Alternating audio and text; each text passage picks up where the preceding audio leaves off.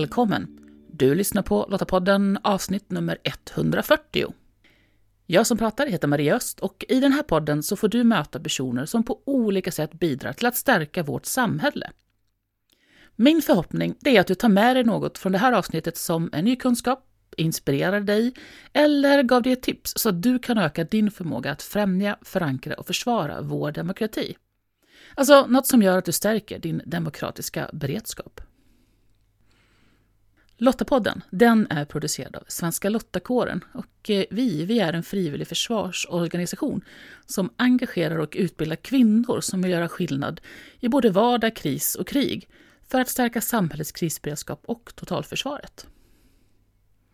En viktig målgrupp för Svenska Lottakåren att inspirera till ett engagemang i försvaret, det är unga kvinnor. Värnplikten är ju numera könsneutral, vilket gör att fler kvinnor behöver ta ställning till hur de ser på att göra värnplikt och vara en del av Sveriges militära försvar. Vi vill stödja unga kvinnor att se möjligheterna med att mönstra och göra värnplikt. Och eh, för att bättre förstå målgruppen så tog vi hjälp av Ungdomsbarometern. Så med mig i det här avsnittet är Jessica Åkerström som är analyschef på Ungdomsbarometern. Häng med så berättar Jessica vad unga kvinnor i åldern 15 till 17 år anser om försvar och demokrati. Jessica, välkommen till Lottapodden. Tack så hemskt mycket. Du börjar med att berätta, vem är du? Jessica heter jag, eh, jobbar på Ungdomsbarometern och vi är ju ett analysföretag eh, som är lite som namnet avslöjar, eh, experter just på vad unga tycker, tänker och gör. Vi skulle nog våga påstå att vi är Sveriges största när det kommer till just unga som målgrupp. Ehm, vi gör ju årligen en, en stor bjässe till studie där vi samlar in svar från ungefär 18 000 unga som rör liksom högt och lågt alla olika ämnen. Eh, och utöver det så har vi massa olika eh, samarbetspartners och uppdragsgivare som vi jobbar med. Eh, och där, där är bland er, mm. Svenska Lottakåren, och gör ju massa olika typer av studier förstås. Just för er har vi ju pratat försvarsvilja. Så att, som sagt, många olika ämnen med fokus på unga, det är vi. Mm. Eh, och som du säger, vi har ju samarbetat några år nu just med att titta på unga och försvarsvilja. Vad, ja men hur ser man på totalförsvar? Vet man vad det är och hur kopplar man det till eh, demokrati? Många olika intressanta frågor som mm. vi har ställt. Eh, berätta lite, vad är det ni har gjort för oss? Ja, vi har ju faktiskt haft möjlighet att jobba tillsammans med er under några år nu, så det är ett långtgående samarbete och när vi satte spadtaget från första början, det har ju gått i flera led det här, eh, men från första början då, då gjorde vi en kvalitativ ansats och lite metodnördigt då eh, pratar jag nu, men då handlar det om att vi pratar direkt med människor. Eh, så det är inte så mycket siffror i, i första skedet utan då har vi pratat med unga tjejer i det här sammanhanget, 15 17-åringar eh, och diskuterat just det du nämner. Hur ser man på demokrati? Vilka frågor är det som, som de tycker är viktigt inom ramen för det? Eh, vad har de för associationer till försvar överhuvudtaget, krisredskap eh, och totalförsvarsplikt eh, etc. Sådana frågor har vi pratat om i diskussionsgrupper och djupintervjuer till att börja med. Eh, och det är både tjejer i allmänhet, som sagt i åldrarna 15 till 17, men vi har också haft nöjet att prata med några av era medlemmar för att få lite mer på fötterna. Sen i nästa skede, så att säga, då har vi ju gått ut lite bredare och gjort då en, en kvantitativ del där vi mer då har, har, samlat in många svar för att se hur utbrett är det här som vi faktiskt fick reda på när vi gjorde djupintervjuer och grupper och så. Eh, så det, det, har gått i flera delar. Eh, vi har också gjort medlemsundersökning för er, så där har vi lärt känna era medlemmar ännu mer. Och eh, syftet med det här det är att vi har kunnat ta fram en stor kartbild, en stor nulägesbild för hur det ser ut för er del kontra då den här målgruppen eh, unga tjejer. För att se vad, vad är det vi behöver ha koll på när det gäller dem. Men precis, och för oss har det ju handlat om eh, just att få eh, en bättre förståelse för eh, vad unga tjejer eh, funderar på, vad de associerar med, för att vi också ska kunna kommunicera med dem bättre och nå ut med, med våra budskap som ju handlar om att eh, sprida kunskap om totalförsvaret och, och krisberedskap. Um, och det var ju otroligt intressant just att lyssna på de här första diskussionerna. Ehm, mm. Um, och där hade vi ju syftet att just försöka vara utforskande i att um, ja, men vad, vad är det för någonting de resonerar kring egentligen? För att sen då kunna gå vidare och få lite bredare eh, stöd för att, att det faktiskt är så på bredden i målgruppen. Men berätta mm. lite, vad var det som kom fram i de första djupintervjuerna? Det vi hörde där var ju framförallt kopplat till demokrati, frågor som rör demokrati, mänskliga rättigheter. Det är ju om vi pratar om eh, allmänheten, alltså unga allmänhet, unga tjejer. Där är det frågor som berör ganska mycket. Det står högt upp på agendan. Det är viktigt för dem. Det är frågor som ligger nära, nära om hjärtat och det ser vi överhuvudtaget i den här ungdomsgenerationen vi har. Att mänskliga rättigheter till exempel, det är en en fråga som när vi gör politiska mätningar och sånt där, då, då, då är det en sakfråga som ligger högt upp. Så där hittade vi en ganska given ingång till att börja prata med dem oavsett hur bra eller dålig koll man sen hade på försvaret. För det var ju också en finding från de här studierna. Pratar vi med, med eh, unga tjejer i allmänhet, då har man kanske inte alltid superbra koll på vad försvaret är för någonting, ännu mindre koll på just eh, vad totalförsvar är. Det begreppet kunde man kanske kännas vid, men visste inte supermycket mer än så om det, utan där, där fick vi efter visst resonerande en del svar kring vad det skulle kunna tänkas vara för någonting. Eh, så att det vi, det vi först och främst hittade skulle jag säga, det är att det finns absolut frågor här som triggar dem. Eh, till exempel demokratifrågor mänskliga rättigheter, men att kunskapen sen kopplat till eh, till exempel försvars, försvarsplikt och krisberedskap eh, eller att kunna faktiskt utöva demokrati rent praktiskt i sin vardag, där finns det en del kunskapsluckor. Mm. Men man vill absolut veta mer och det är väl den positiva take på det hela. Ja men verkligen. Och för mig var det otroligt spännande att just se den här relationen till till demokrati. Dels naturligtvis var det ju väldigt roligt att eh, mänskliga rättigheter låg väldigt högt på agendan. Det är ju en, en, en fråga som är väldigt eh, nära, nära oss. Mm. Eh, men just att demokrati också var väldigt kopplat till att gå att rösta. Att inte ha ja. de här verktygen till hur kan jag stå upp för och, och försvara och främja demokratin i min vardag genom att göra olika saker, utan verkligen kopplat till röstning. Och jag kan ju känna igen det, för, för de tankarna har jag ju själv också haft innan jag själv började utforska och lära mig mer. Så att, det är ju inte konstigt egentligen. Nej, nej men det blev tydligt. Det är, det är ett viktigt men också ganska abstrakt begrepp, absolut. Och när vi gick vidare och gjorde den här kvantitativa delen sen, där fick vi ju verkligen svart på vitt att eh, det var ganska många som instämde, eller så gott som alla skulle jag säga, som, som instämmer i att Sveriges demokrati är viktig att eh, värna och försvara. Men långt ifrån så många som tyckte att, eh, att Sveriges demokrati är hotad. Mm. Eh, och där får vi diskrepansen lite mellan det här att faktiskt, ja, ja, det är ett viktigt kärnvärde, det är något man står upp för, men men att sen liksom i realiteten veta vad det inbegriper, men kanske också hur, hur, hur det, står till med, med demokratin idag. Där var det eh, lite svårare. Mm. Nu ska vi också tilläggas att den här mätningen gjordes ju eh, inte i, i, där, där vi befinner oss nu, om vi ser till läget där just nu med, med Ukraina Ryssland, utan den här mätningen gjordes i november 2021. Ja, men bra. Det, det, är faktiskt viktigt att, att påpeka. Så att man, jag skulle kunna tänka mig att vi kanske skulle få lite andra svar om vi ställde samma frågor idag.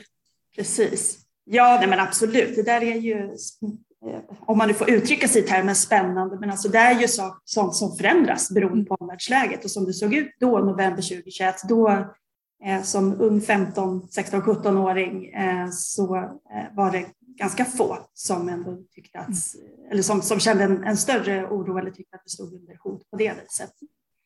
Eh, det tror jag absolut skulle se lite annorlunda ut idag. Men rent generellt då, den här åldersgruppen, hur, hur är de? Ja, alltså om man börjar med att prata den här ungdomsgenerationen, eh, generation eh, Z, som vi brukar kalla dem för, som är de, de unga vi har nu, 15 till 24-åringar brukar vara det vi pratar om inom det här spannet, så finns det ju vissa karaktärsdrag som är typiskt dem, eh, som skiljer dem ganska mycket från tidigare ungdomsgenerationer. Millennials är ju de som var innan så att säga. Det är, det är min generation, eh, den ingår jag i och, och ska man sätta något årtal på det här då, då är ju dagens unga som, som är födda sent 90 och in på 00-talet. Eh, men det som är eh, karaktäriserande för dem, det är ju att det är en väldigt medveten generation överhuvudtaget. Inte superkonstigt kanske med tanke på dels ganska mycket som har skett runt om dem i deras omvärld, inte bara det vi ser nu utan också tidigare med klimatkris. Eh, det har varit under deras uppväxt terrordåd ganska nära inpå dem. Det varit politisk oro eh, som har präglat att man har ganska eh, bra koll på sin omvärld och dessutom hela den digitala miljön bidrar ju till att det kommer så mycket närmare oss att det är väldigt mycket lättare att vara påläst idag, ha koll på vad som händer ganska snabbt eh, om man bara jämför med generationen innan. Så att de är medvetna, det skulle jag säga är en första sån sak. Eh, och det ser vi också tydligt i, om vi nu ska översätta det till medlemsorganisationer, att man vill ha tydligt för sig, vad är det jag ger mig in på, vilka krav ställer det på mig, om jag ska engagera mig, då vill man gärna vara trygg i att jag vet vad som förväntas av mig och vad, vad händer liksom i steg X, Y, Z? Det är ganska tydligt eh, i den här ungdomsgenerationen skulle jag säga. Mm. Eh, hög medvetenhet och därmed också ganska eh, höga krav på att ha, ha kontroll så att säga. Mm. Mm. Sen finns det massa annat. Det, vi skulle kunna ha ett helt avsnitt bara om generation Z.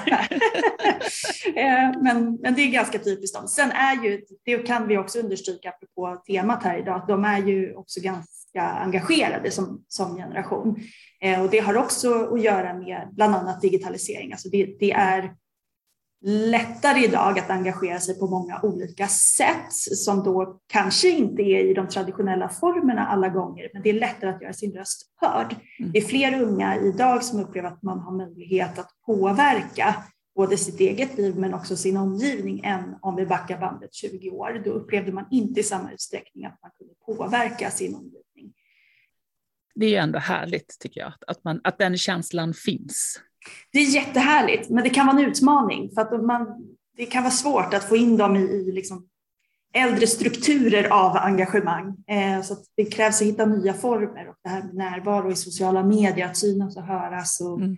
eh, finnas i, i de plattformarna men också att ta tillvara engagemang i de plattformarna på olika sätt och vis. Det är ju sånt som, som kan låta kul och spännande men som kan vara svårt att omsätta som organisation idag. Och det mm.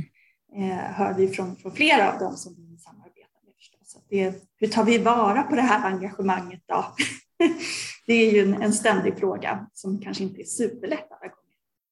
När vi gjorde djupintervjuerna så, så som sagt så eh, pratade ju ni med eh, individer som inte var medlemmar och så pratade ni också med några medlemmar. Mm. Vad var det de gav uttryck för?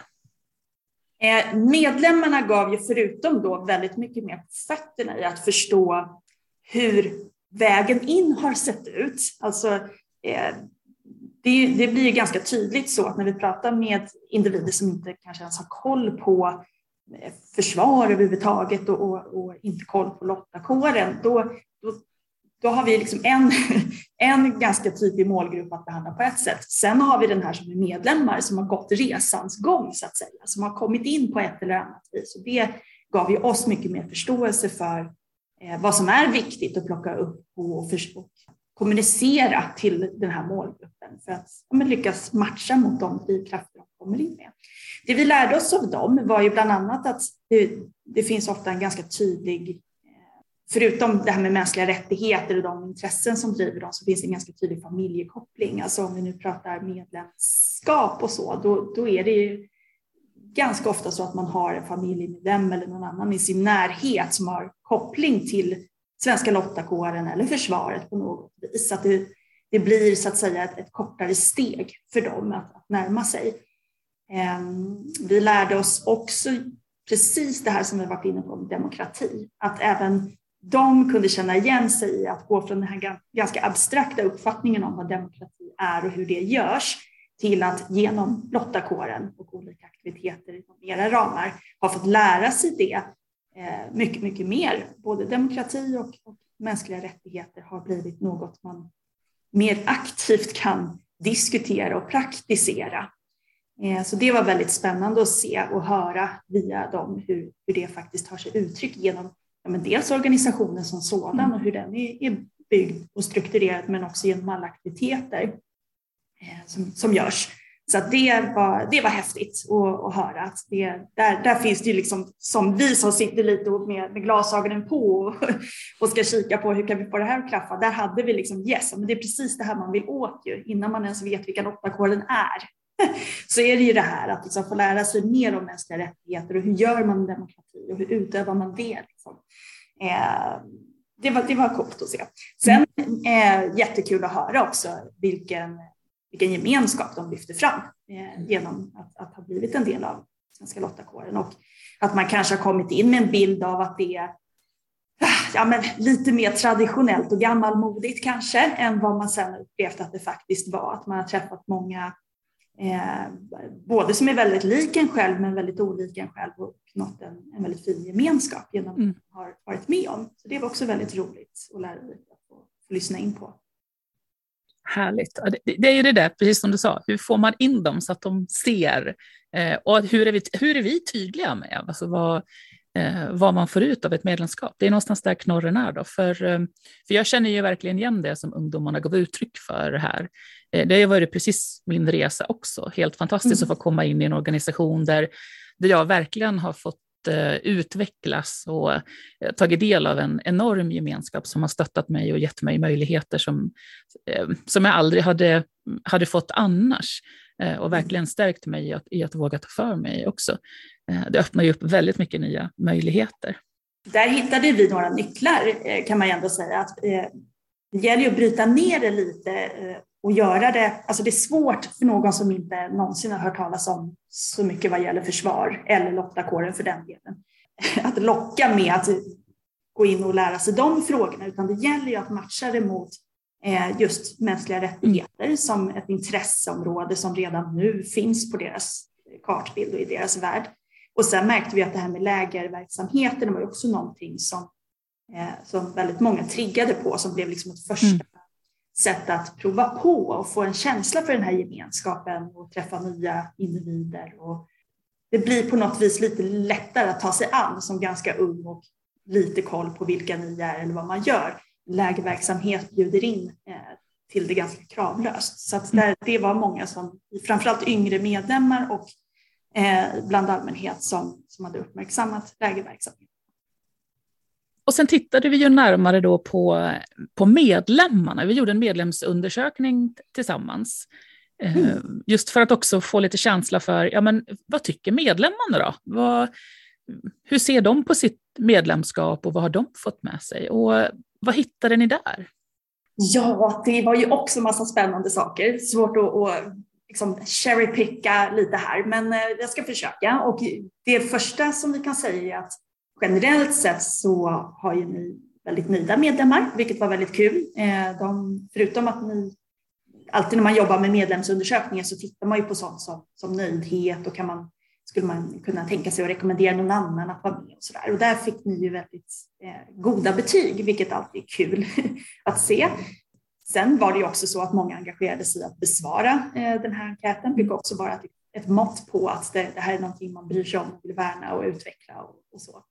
Men eh, sen fanns det en del skillnader. Om man ser till exempel till åldrar som vi har pratat om nu eh, så, så var det ganska tydlig skillnad mellan, mellan de som var lite yngre, ganska nya medlemmar versus de som är lite äldre och kanske varit medlem väldigt länge.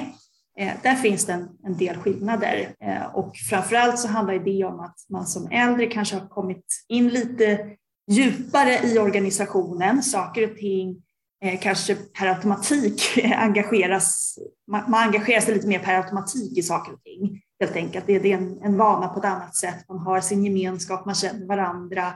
Eh, Medan de som är ganska nya och eh, unga medlemmar, de är ju väldigt sugna på just det här lära känna, mycket aktiviteter, mycket nytt, mycket så här, blanda upp digitalt med fysiskt, eh, få vara med i många olika aktiviteter. Eh, Eh, så att där såg vi ett ganska tydligt sug bland de yngre. Att här, jag vill engagera mig mer, men kanske lite att de också behövde hjälpen att veta hur. Mm. Eh, och så ska man också komma ihåg att den här medlemsundersökningen gjordes, eh, återigen får man tänka på mättillfället, det var under pandemi.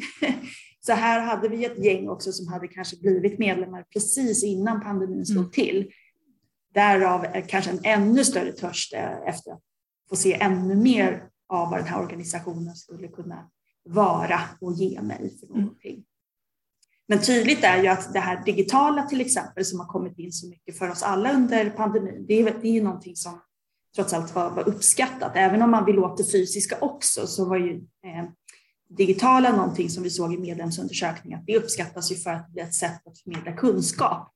Eh, väldigt enkelt. Sen kanske det inte går att ersätta det här som man vill uppleva när det kommer till gemenskap och träffa andra. Det kanske inte helt och hållet går att bara översätta det till digitalt format, men men eh, jag tror att någonting kan man lära sig av det, att det mm.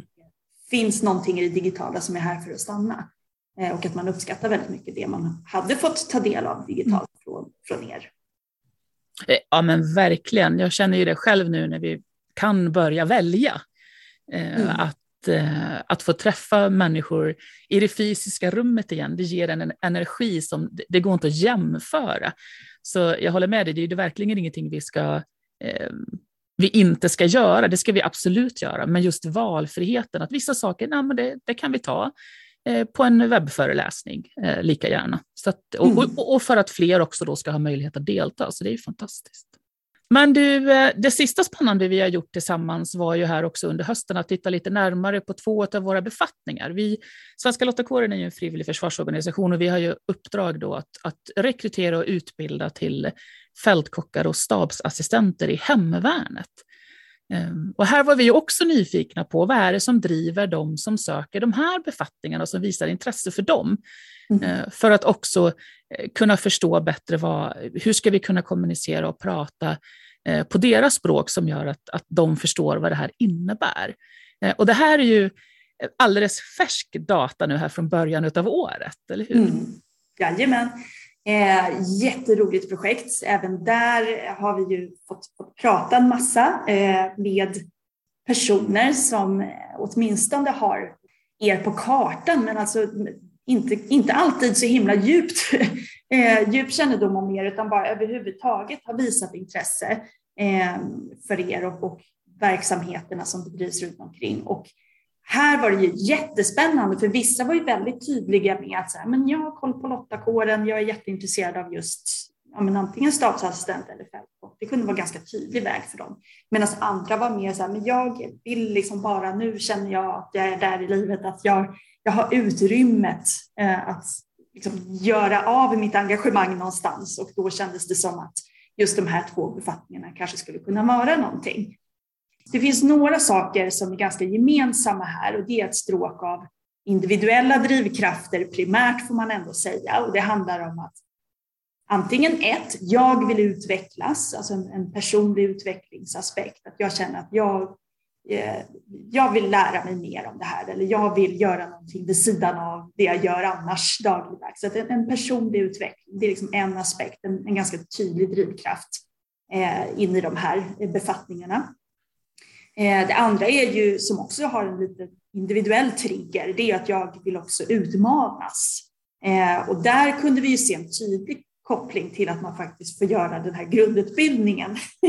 Eh, guffen var det många som ville lyfta som en sån här, ja men det var liksom målbilden, det var det man såg framför sig och, och ville verkligen testa på att göra den grejen och se så här, pallar jag det? Liksom. Det, det var en väldigt tydlig sån målsättning. Ehm, och sen såklart en tredje drivkraft som kanske mer handlar om då, eh, att få vara behövd, att hjälpa till och att göra en insats för samhället. Eh, de fanns ju med oavsett vilken av de här befattningarna vi pratade om. Eh, och även när vi har tittat generellt när det gäller försvarsvilja så är det de här drivkrafterna som blir väldigt tydliga. Ehm, så det är vägen in. Sen var det lite olika uppfattning kring, kring de här två. Eh, och man kan väl säga att det var, det var ganska många som kände att man kanske behövde lite mer på fötterna för att förstå vad de här två befattningarna innebär för någonting. Men som sagt gemensamt var att ja, men, check på att man ändå fick göra grundutbildningarna, vilket man verkligen vill göra. Eh, och sen är det lite efter vilken personlighetstyp man anser sig vara, alltså vilka egenskaper har jag? Är det lite det man går på i första hand och vilket intresse har jag? Eh, där eh, fältkock var kanske den som, som var lite mer sugen på det här att faktiskt vara ute i fält, såg det framför sig. Man såg framför sig att vara del av eh, ett litet men väldigt tight team, alltså sådana drivkrafter. Man, man tyckte om strukturen i att Eh, ja, men veta vilka olika moment det här innebär. Och, eh, sen kan det vara varierande efter vart man ska ställa upp någonstans och så vidare, men annars är det ganska lika procedur hela tiden och det gillade man, det strukturerade sättet att jobba.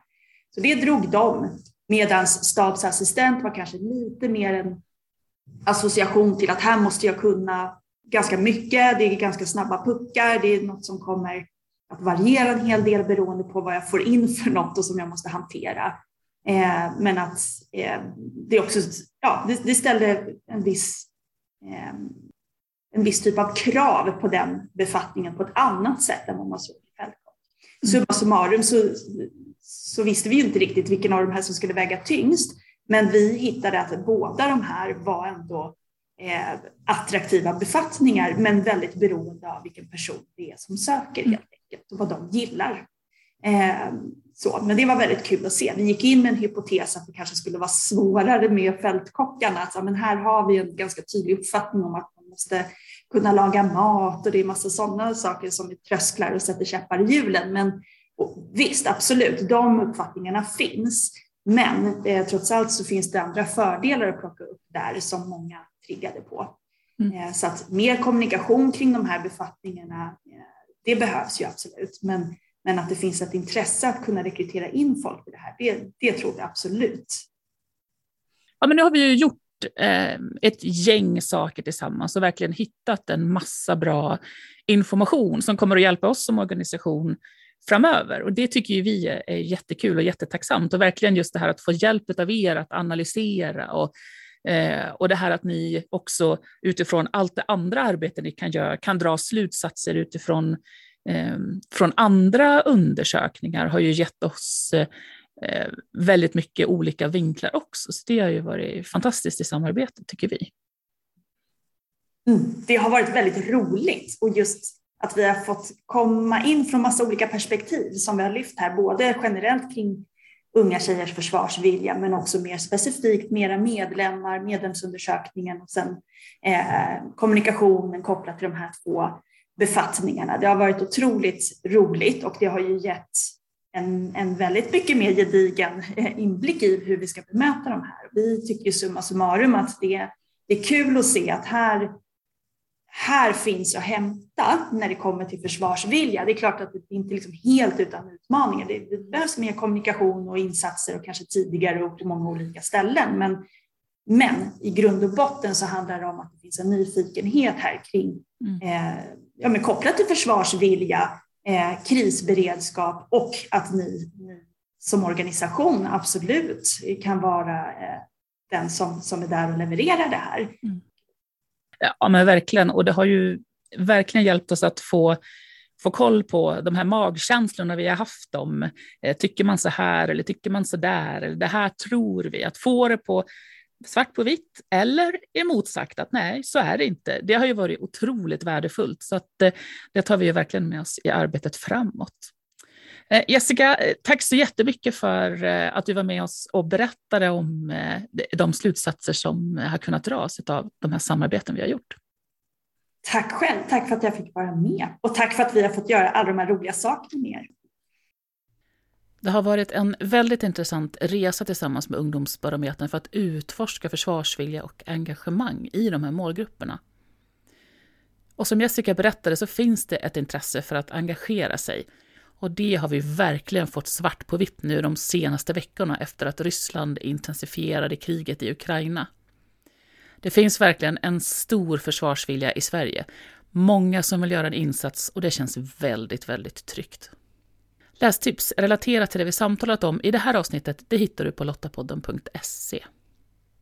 För dig som är yrkesverksam inom Sveriges olika samhällsnivåer så vill jag påminna om Mötesplats samhällssäkerhet som ju genomförs 31 maj till 1 juni på Kistamässan i Stockholm. Där möter du andra som, precis som du, funderar på hur vi tillsammans bygger ett starkt och tryggt Sverige. Gå in på samhällssäkerhet.se och läs mer. Och om du, precis som Svenska Lottakåren, tycker att fred, demokrati och mänskliga rättigheter är värda att försvara och du vill vara med och göra skillnad för vårt samhälles krisberedskap och totalförsvar, ja men då ska du gå till svenskalottakåren.se. Där hittar du information om hur just du kan göra skillnad. Nästa avsnitt av Lottapodden det kan du lyssna på om två veckor den 31 mars. Om inget oförutsett händer såklart. Som du märker så kommer ju det här avsnittet ut några dagar senare än planerat. Men vi håller tummarna för att allt går enligt plan med nästa avsnitt. Och om du inte redan gör det, prenumerera gärna på Lottapodden så du har avsnittet i din poddspelare direkt när det släpps. Du hittar podden bland annat i Apple Podcast, Podbean eller på Spotify. Och om du gillar Lottapodden, berätta gärna för andra om den och lämna gärna en recension på Apple Podcast så hjälper du fler att hitta till podden. Och tack för att du lyssnar. Hej så länge!